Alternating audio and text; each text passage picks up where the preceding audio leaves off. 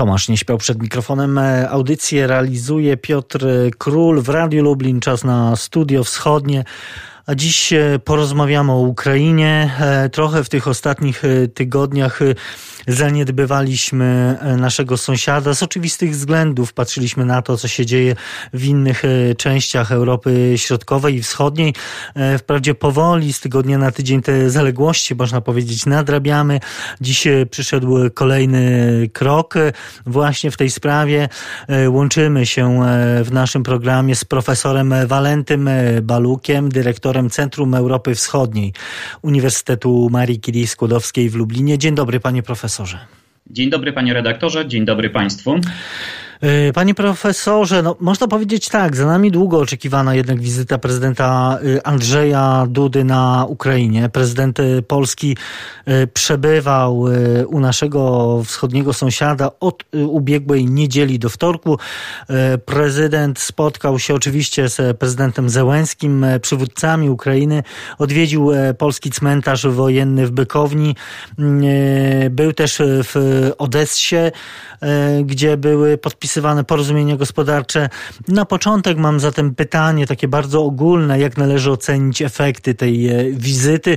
Czy było to coś więcej niż tylko takie porządkowanie stosunków na linii e, Warszawa-Kijów? Oczywiście, panie redaktorze, trudno jest odpowiedzieć jednoznacznie na to pytanie. Dlaczego? A otóż dlatego właśnie, że oczekiwano przełomu w relacjach polsko-ukraińskich, które właśnie po 2015 roku zaczęły, kolokwialnie rzecz ujmując, szwankować. Przyczyną właśnie tych e, problemów były właśnie kwestie natury historycznej. Dlatego oczywiście przed wizytą prezydenta Polski na Ukrainie mieliśmy obawy, że problematyka historyczna również zdominuje spotkanie. Tak się nie stało e, i należy właśnie e, się cieszyć, aczkolwiek nie oznacza to, iż strona zarówno polska, jak i ukraińska, bagatelizują albo, kolokwialnie rzecz ujmując, odpuszczają sobie kwestie natury historycznej. Tak się nie stało, były też padły, y, bądź co bądź może, y, y, ale jednak istotne deklaracje w tej materii, no ale właśnie, wracając do meritum, co, co mm, przede wszystkim, na co należy zwrócić uwagę po tej wizycie? Należy zwrócić uwagę, tak jak pan redaktor łaskaw był powiedzieć, na wizytę w Odessie.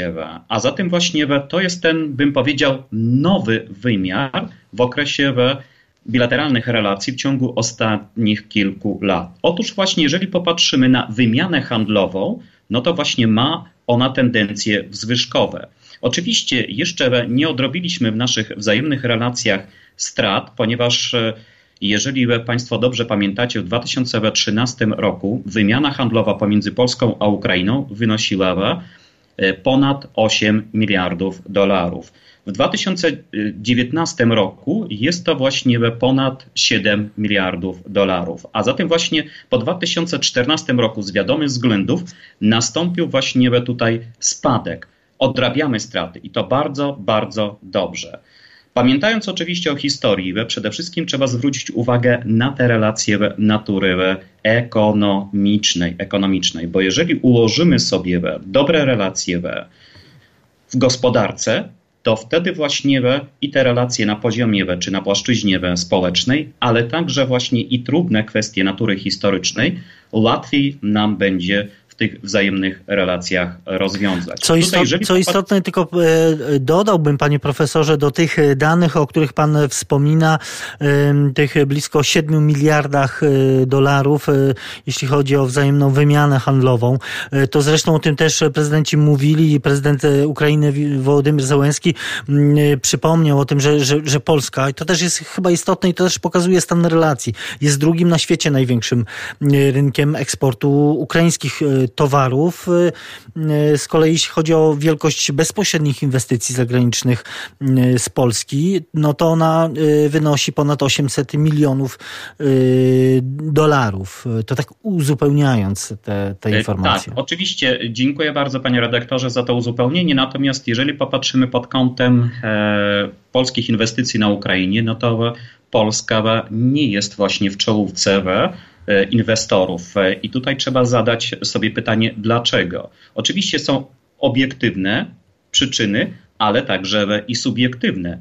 I między innymi właśnie, jeżeli popatrzymy na tą wizytę polskiego prezydenta do Odessy i odwołamy się do lat 90. albo do początku lat 2000, kiedy rozważano kwestię budowy korytarza transportowego Odessa-Brody-Gdańsk, między innymi kwestię budowy ropociągu, to należy zadać sobie pytanie, dlaczego ten projekt, nie tylko jeżeli popatrzymy pod kątem ropociągu, ale także korytarza transportowego, nie został zrealizowany. No były Jeżeli zarzuty ze strony nawet ukraińskiej, były zarzuty ze strony ukraińskiej właśnie Oczywiście. jeszcze kilka lat temu, że to Polska nie jest zainteresowana de facto e, przedłużeniem e, e, do Gdańska Oczywiście, jeżeli popatrzymy właśnie, jeżeli popatrzymy na historię realizacji tego projektu, to strona ukraińska na początku lat 2000 już wybudowała swój odcinek ropociągu od Odessy do Brodów.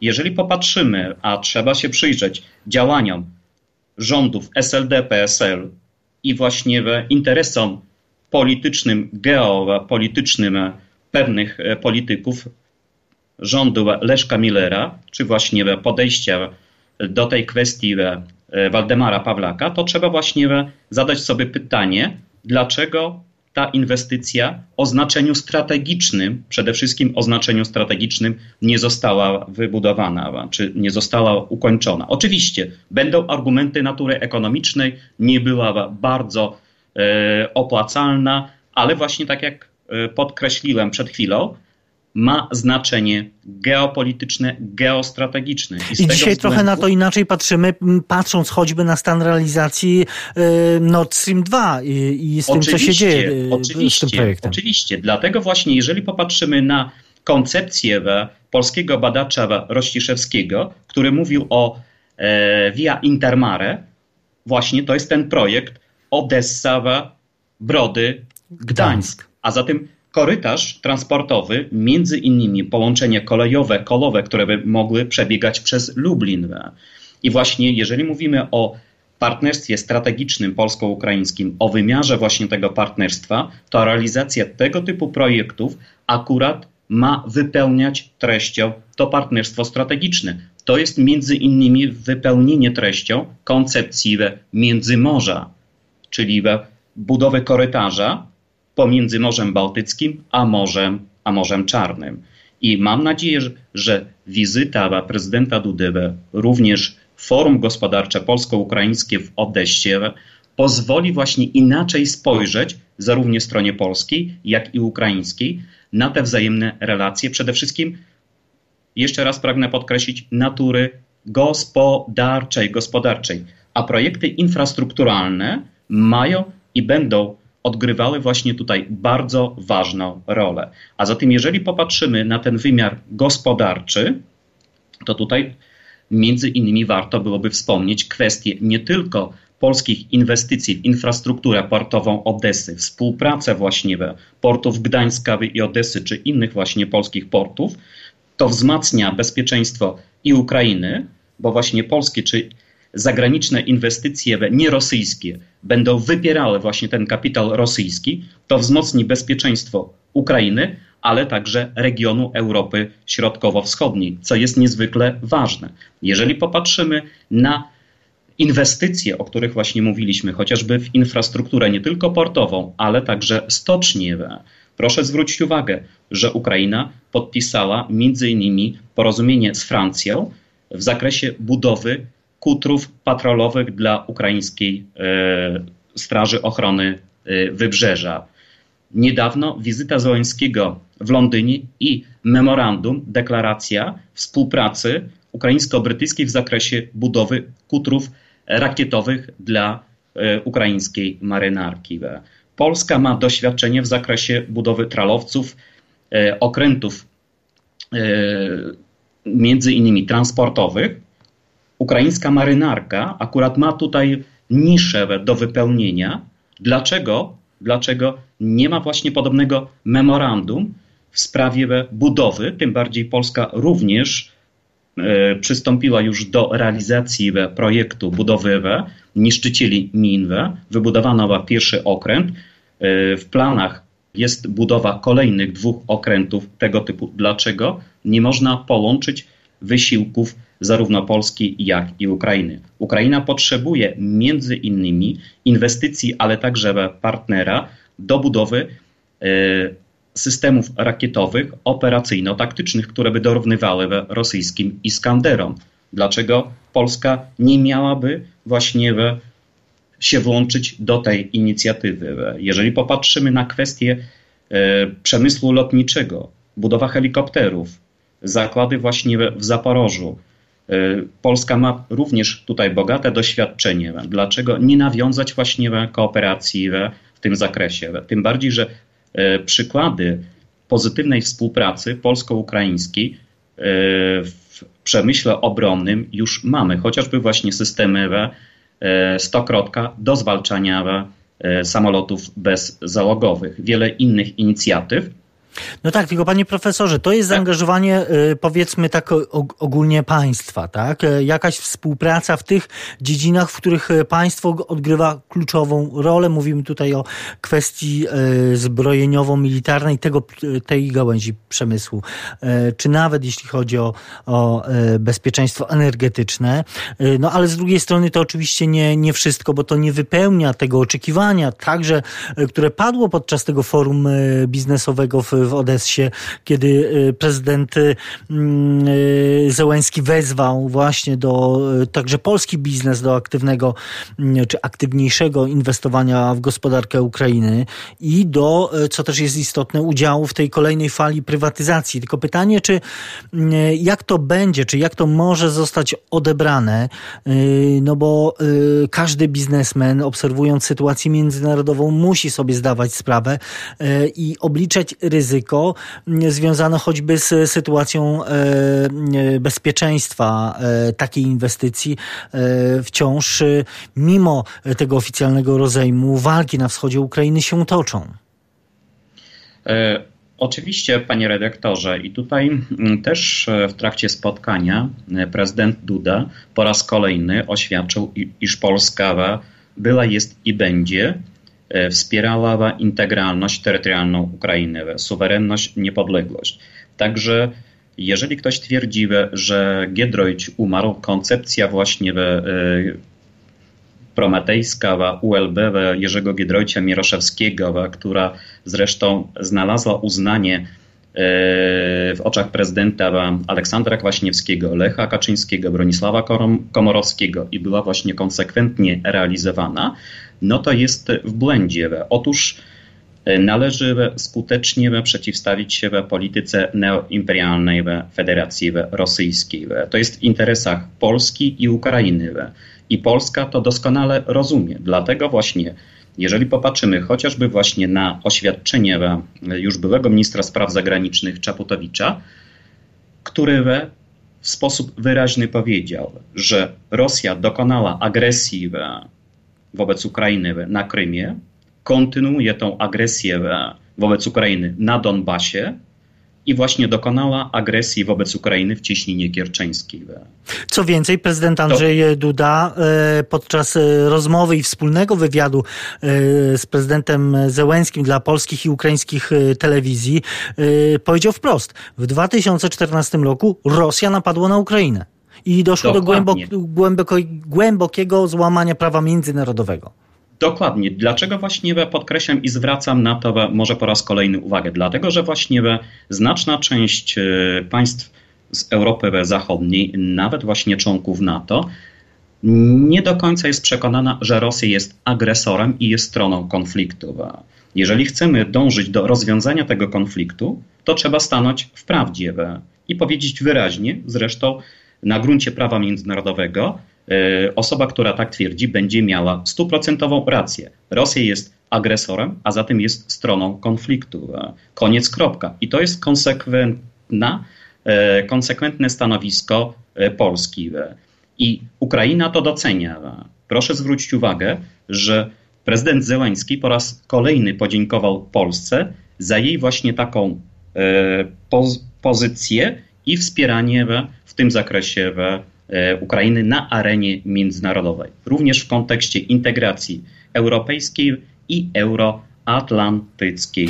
Bo to też Czyli znalazło odzwierciedlenie na ostatnim, na ostatnim szczycie y, Ukrainy, y, Unia Europejska-Ukraina, gdzie, gdzie również y, padały sformułowania i wprost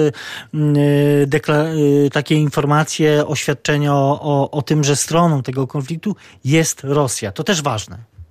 O, oczywiście, dlatego właśnie E, tak jak już wspomniałem, to jest ważne dla Ukrainy, ale także właśnie dla Polski. E, bo pamiętajmy, tutaj znowu będę się powtarzał, e, słowa wypowiedziane przez Lecha Kaczyńskiego. Dzisiaj Gruzja, jutro Ukraina, pojutrze państwa bałtyckie. Taka jest logika neoimperialnej polityki.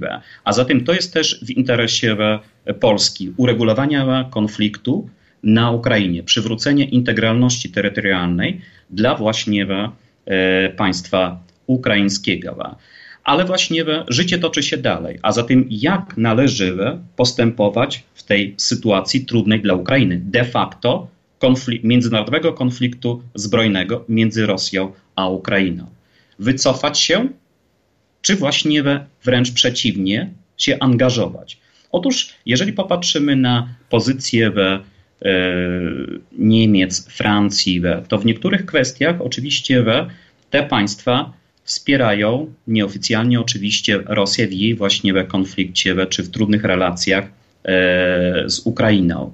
Jeżeli popatrzymy na tak zwaną formułę Steinmeiera czy inne podejście we strony niemieckiej w kwestii uregulowania konfliktu, to tak jak powiedział swego czasu przedstawiciel Stanów Zjednoczonych na Ukrainie, Kurt Walker, że właśnie Francja i Niemcy jako właśnie negocjatorzy czy mediatorzy w tym konflikcie rosyjsko-ukraińskim bardzo często sprzyjają Rosji, a nie, e, a nie właśnie Ukrainie. Bo to im się opłaca.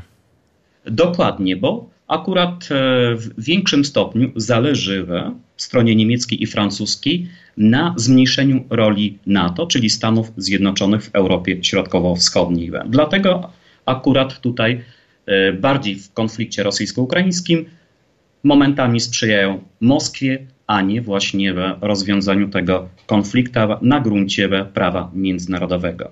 Dlatego właśnie yy, dlatego trzeba wziąć też pod uwagę, że pomimo tego yy, trwającego konfliktu, zarówno Niemcy, jak i Francja, ostatnio widzimy też Wielka Brytania, ale także inne państwa, w tym Stany Zjednoczone, chętnie by inwestowały i bardzo dobrze na Ukrainie. Oczywiście ryzyko, o którym pan redaktor mówił, jest i ono jest spore.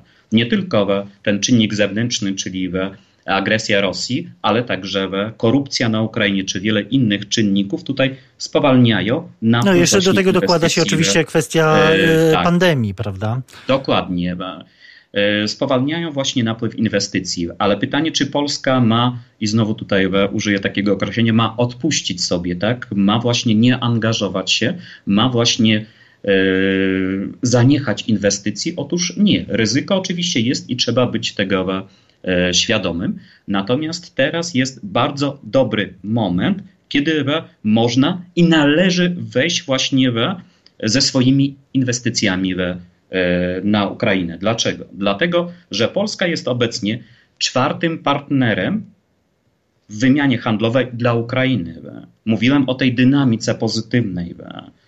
Mówimy właśnie też o pozytywnym wizerunku. Pomimo właśnie pewnych problemów natury historycznej, mówimy o pozytywnym wizerunku Polski na Ukrainie.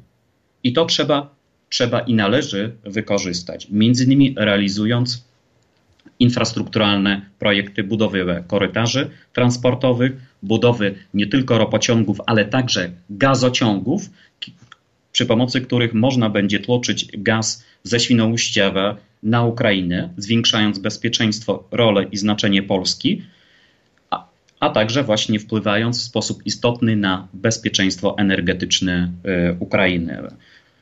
Podchodząc właśnie kompleksowo do kwestii bezpieczeństwa polityczno-militarnego, ekonomicznego państw Europy Środkowo-Wschodniej, uda się, w moim przekonaniu, może nie tyle zmniejszyć rolę i znaczenie Rosji, co właśnie zdywersyfikować jej wpływy nie tylko na Ukrainie, ale także w innych państwach Europy Środkowo-Wschodniej i będzie to powodowało zmianę w polityce samej Federacji Rosyjskiej. Rosja będzie wtedy poszukiwała innych możliwości prowadzenia swojej polityki, nie tylko przy pomocy polityki rurociągów czy dezinformacji i propagandy, ale będzie bardziej właśnie skłonna prowadzić politykę przy pomocy soft power, a nie hard power. Profesor Walenty Baluk, dyrektor Centrum Europy e, Wschodniej UMCS jest gościem Studia Wschodniego. My do naszej rozmowy wracamy za kilka chwil. W studiu wschodnim wracamy do rozmowy z profesorem Walentym Balukiem, dyrektorem Centrum Europy Wschodniej UNCS. Rozmawiamy o e, wizycie prezydenta Andrzeja Dudy e, na Ukrainie, o jej efektach. W pierwszej części rozmawialiśmy i skupiliśmy się na tym, co najistotniejsze, jak powiedział e, pan profesor, czyli sprawy na sprawach gospodarczych, bo one dzisiaj są gwarantem mm, pewnej stabilizacji, ale też gwarantem bezpieczeństwa E, Ukrainy, no ale e, musimy też e, porozmawiać o tych rzeczach, które także były przedmiotem rozmów.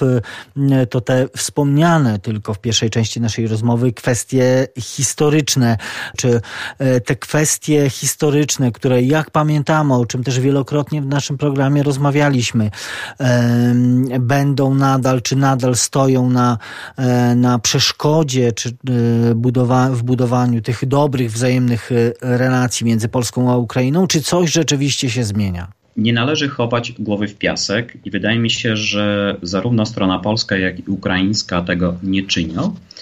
I porównując relacje polsko-ukraińskie w tym aspekcie do relacji polsko-węgierskich, możemy powiedzieć, że e, zarówno Kijów, jak i Warszawa w sposób umiarkowany, w sposób, e, bym powiedział, no, użyję takiego określenia, nie wiem do końca, czy będzie e, trafne, w sposób cywilizowany próbują rozwiązywać spory natury historycznej. Oczywiście najlepszym rozwiązaniem byłoby właśnie powołanie komisji yy, składającej się z historyków, którzy by właśnie najpierw na polu naukowo-badawczym zbadaliby opisaliby i przedstawiliby właśnie pewne kwestie. Ale zdaje się ta formuła, spornej. która przecież, no bo pamiętamy, mieliśmy forum polskich i ukraińskich historyków, y, były, były prace e, wspólne i w Polsce i na Ukrainie. No w pewnym momencie y, no, sytuacja była tak napięta, że y, te prace zawieszono. Czy nale... Oczywiście, panie redaktorze, dlaczego tak się stało? Bo właśnie wkracza polityka a zatem właśnie jeżeli nawet do e, kół, do grup ekspertów, badaczy wkracza polityka, to wtedy właśnie dzieją się takie rzeczy, o których pan redaktor łaskaw był e, wspomnieć. Natomiast no, niestety tak się nie stało, a zatem jeżeli właśnie zarówno Polska, jak i Ukraina uprawiają politykę historyczną, znajdując się na różnych etapach swojego rozwoju historycznego, kształtowania swojej państwowości, kształtowania właśnie narodu politycznego. Stąd właśnie ten cały szereg problemów z tym związanych. Proszę pamiętać, że Polska i Ukraina znajdują się może nie na różnych biegunach, ale we, na różnym etapie we, tych procesów państwowo-twórczych, narodotwórczych. Te procesy, które Polska już ma za sobą, Ukraina dopiero właśnie je E, przechodziła. Odrabia właśnie te nieodrobione wcześniej, na początku XX wieku, lekcje. A zatem właśnie to też trzeba wziąć e, pod uwagę. Dlatego właśnie mówiąc o cywilizowanym podejściu do rozwiązania tych trudnych kwestii, miałem przede wszystkim na myśli, że te trudne problemy, pomimo że właśnie wprowadzają, wprowadzają napięcia we wzajemnych relacji, relacjach, nie doprowadziły właśnie do zerwania, nie doprowadziły właśnie do e, drastycznego pogorszenia. I mówi Bo też Polska, o tym sam prezydent. Uwagę, i tak. mówi sam prezydent Zełenski o tym, że wspólna pamięć historyczna Polski i Ukrainy to nie jest e, wprawdzie prosta ścieżka, ale ważne jest, że oba kraje są gotowe, by pokonywać ją wspólnie i mówi o skłóceniu, że o skłóceniu naszych krajów marzy wielu nieprzyjaciół. E, oczywiście, dlatego, e, dlatego właśnie, jeżeli my mówimy o, e, po pierwsze o trudnych relacjach polsko-ukraińskich w kontekście problemów natury historycznej, to jest oczywista rzecz, która wypływa właśnie z trudnej spuścizny w relacjach polsko-ukraińskich. Ale trzeba także powiedzieć, iż tak zwany czynnik zewnętrzny, czyli Rosja, myśl zasady dziel i rządź, w ramach polityki propagandy i dezinformacji bardzo często wykorzystuje również te napięcia natury historycznej we wzajemnych relacjach. A zatem strony powinny właśnie o tym, o tym pamiętać. Natomiast jeżeli my mówimy o uregulowaniu wzajemnych relacji, o rozwiązaniu trudnych kwestii natury historycznej, to trzeba budować także inną narrację, nie tylko właśnie narrację trudnych zaszłości historycznych, ale także pozytywnych przykładów. Biorąc udział w konferencji poświęconej stosunkom polsko-ukraińskim w Jaremcze, również zdalnie, zdalnie ze względu na pandemię, mówiłem o tym, że Ukraina powinna dokonać także przewartościowania roli i znaczenia Petlury jako męża stanu w swojej historii, czego Ukraina jeszcze do dnia dzisiejszego nie uczyniła. Proszę zwrócić uwagę, że jedyny pomnik Petlurze postawiono bodajże dwa lata temu czy trzy lata temu w Winnicy. Generalnie koncentrując się wokół tych pozytywnych przykładów, to proszę zwrócić uwagę, że w Polsce też zapominamy, że w 1939 roku ponad 100 tysięcy Ukraińców walczyło w szeregach polskich sił zbrojnych. Że nie tylko oczywiście OUN, jako organizacja ukraińskich nacjonalistów, ugrupowanie polityczne, wykazało się brakiem lojalności względem państwa. Ale ukraińska narodowo-demokratyczna organizacja jednak zamanifestowała swoją lojalność wobec Rzeczypospolitej. A zatem tutaj, mówiąc o jednych negatywnych przykładach, trzeba także podawać inne przykłady, pozytywne. A zatem w tej narracji historycznej naszych relacji nie może dominować tylko ta narracja negatywna. Dlatego właśnie e, zarówno strona polska, jak i ukraińska powinna zwracać na to szczególną uwagę, żeby budować tą pozytywną narrację, ale także, żeby przeciwdziałać rosyjskiej propagandzie i dezinformacji. Dlatego powinien stanąć pomnik e, Piłsudski-Petlura w Warszawie, ale także w Kijowie. Jeżeli mówimy między innymi o e, bitwie konotopskiej, w której ukraiński hetman Wychowski zwyciężył, zwyciężył Rosjan, to trzeba zwrócić także uwagę na to, iż również Polacy wspierali Wychowskiego. Było to właśnie akurat zwycięstwo po podpisaniu Unii Chadziackiej, Rzeczpospolitej Trojga Narodów. Lublin właśnie jest miastem związanym z tradycją Unii Lubelskiej, która później się, no, miejmy, no, mogła i miejmy nadzieję, że gdyby właśnie dane było, się rozwinęła w Rzeczpospolitą Trojga Narodów.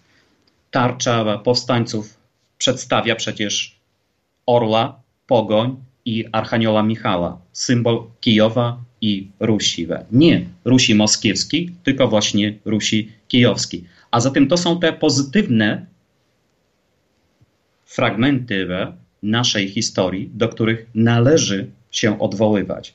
I takim odwołaniem właśnie... współczesnym, y, co także znalazło się we wspólnej deklaracji prezydentów y, podpisanej przez prezydentów Polski i Ukrainy, y, znalazła się także odniesie, znalazło się odniesienie właśnie do, do tego naszego Lublina, bo, bo w tej deklaracji jest potwierdzenie konieczności dalszego rozwoju możliwości i potencjału litewsko-polsko-ukraińskiej brygady, tej międzynarodowej, wielonarodowej brygady brygady, która stacjonuje, której dowództwo stacjonuje właśnie w Lublinie. To też jest ważny element e, z udziałem e, naszego miasta, tutaj regionu Lubelszczyzny. E, o, oczywiście, panie redaktorze, bo jeżeli mówimy o oddziaływaniu Lublina, Lublin w mojej ocenie w pełni nie wykorzystuje swojego geopolitycznego usytuowania. Jako miasto tradycji Unii Lubelskiej, i do tego znowu nawiążę, powinien kontynuować, poszerzyć tą formułę i w ramach Trójkąta Lubelskiego ona została właśnie w deklaracji ministrów spraw zagranicznych poszerzona, czyli w Rzeczpospolitej trojga narodów polskiego, litewskiego, ruskiego, czy w tym znaczeniu ukraińskiego i białoruskiego. Ta formuła powinna być rozwijana i właśnie e, Lublin powinien być miastem trójstronnych spotkań szefów państw, szefów rządów, ale także oczywiście korzystać z tego swojego geopolitycznego usytuowania, żeby łączyć projekty integracyjne, infrastrukturalne. Jeżeli mówimy na przykład o Via Intermare, to ta droga miałaby przebiegać przez, oczywiście z Gdańska, przez Warszawę, przez Lublin, e, dalej na wschód do Odessy, ale także odnoga powinna być do Kijowa. A zatem właśnie, jeżeli mówimy o Lublinie, który łączy, to nie należy tylko się zatrzymywać na samej idei, koncepcji. Trzeba zmaterializować właśnie tą ideę. A zatem właśnie takie projekty infrastrukturalne powinny łączyć i Lublin powinien właśnie wykorzystywać swoje usytuowanie, żeby było połączenie dobre kolejowe z Kowlem w kierunku dalej Kijowa, ale także z Lwowem. Lublin powinien być portem przeładunkowym na tych szlakach północ, południe albo zachód, wschód. A zatem wtedy będzie spełniał rolę nie tylko symboliczną, jako miasto, gdzie właśnie doszło do e, zawarcia Unii Lubelskiej, ale właśnie potrafi spożytkować tą właśnie piękną ideę dla rozwoju miasta, regionu, ale także dobrych relacji Polski z Litwą, Ukrainą i mam nadzieję, że z Białorusią także.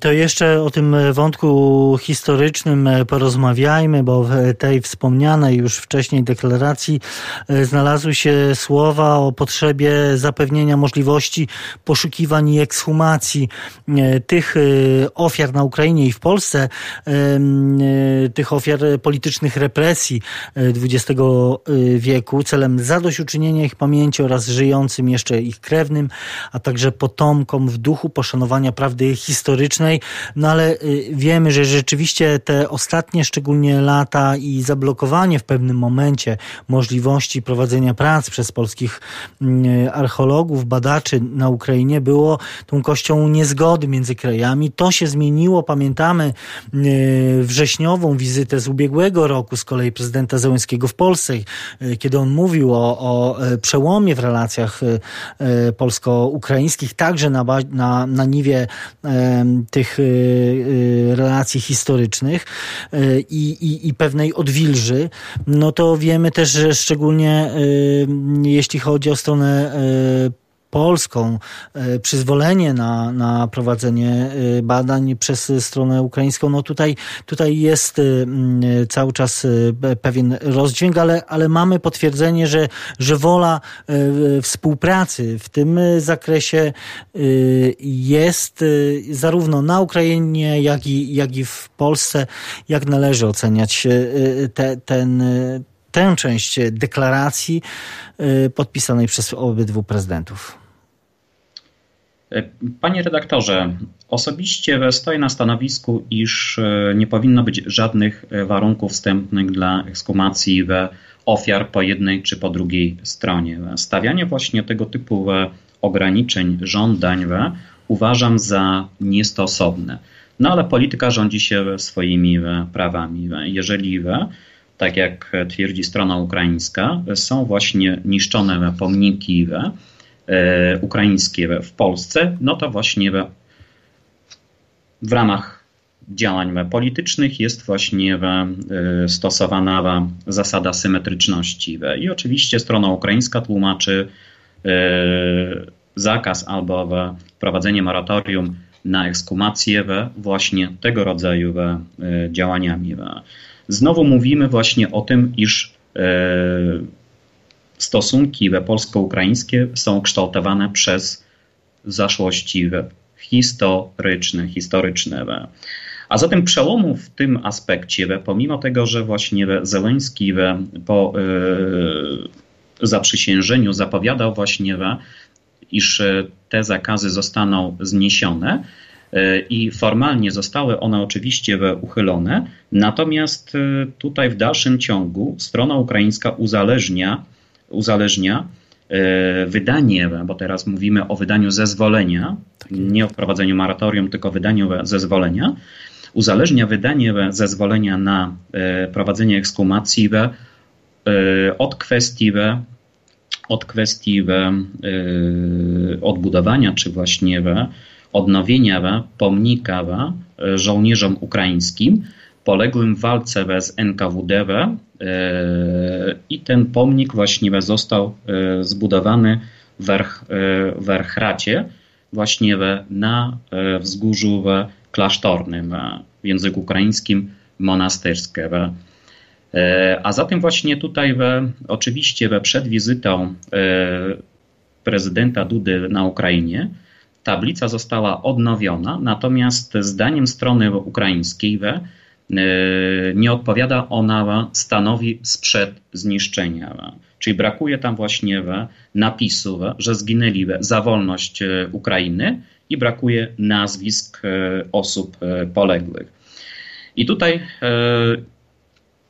obydwie strony, bo oczywiście możemy mówić o tym jednostkowym przypadku, Natomiast e, dobrze by było, gdyby strona polska i ukraińska e, uzgodniły, jakie napisy, jakie napisy są nie do zaakceptowania dla jednej i dla drugiej strony, a jakie napisy na cmentarzach, e, miejscach pochówku żołnierzy będą do zaakceptowania.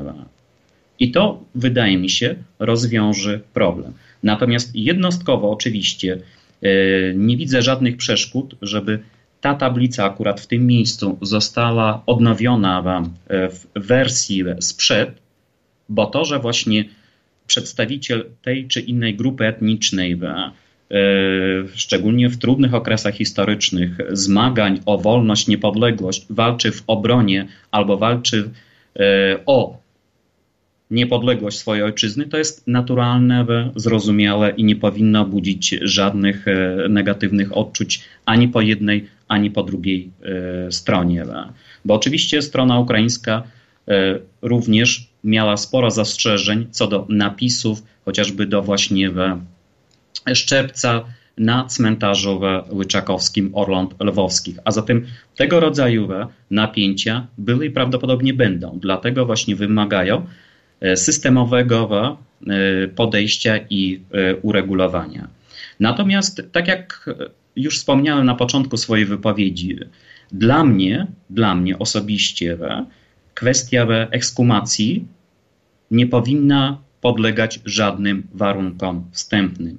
Jeżeli na Ukrainie są miejsca pochówku osób, które zginęły, zginęły na Wolyniu czy w Galicji wschodniej, to oczywiście bez żadnych warunków wstępnych należy wydać takie pozwolenia. Oczywiście mogą być jakieś ograniczenia, ale na pewno nie natury politycznej. Natomiast jeżeli na terenie Polski znajdują się groby ludności ukraińskiej, która zginęła w akcjach odwetowych, również strona polska powinna zezwolić na takie prace ekskumacyjne bez żadnych warunków wstępnych. E, bo leży to w interesie obydwu e, krajów, także ta dbałość o pamięć historyczną dwóch narodów tego, tego wymaga i mając też nadzieję, że jak wyraził pan profesor Walenty Baluk, te kwestie historyczne nie zdominują też naszych relacji, bo, bo też emocje towarzyszące towarzyszące tym sprawom są ogromne e, i też wielopokoleniowe. I to nie jest sprawa, nawiązując tym razem do słów prezydenta Zełenskiego, nie jest sprawa prosta, ale warto o tym e, e, pamiętać i warto budować wspólnie na wielu płaszczyznach porozumienie i tą strategiczną relację Polski i Ukrainy.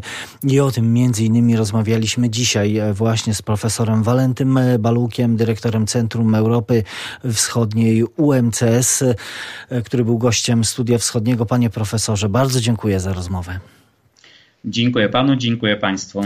I to wszystko w naszym programie na dzisiaj. Za uwagę dziękuję Tomasz Nieśmiał i Piotr Król. Studio Wschodnie wraca na antenę Radia Lublin za tydzień. Do usłyszenia w następną niedzielę po godzinie 14.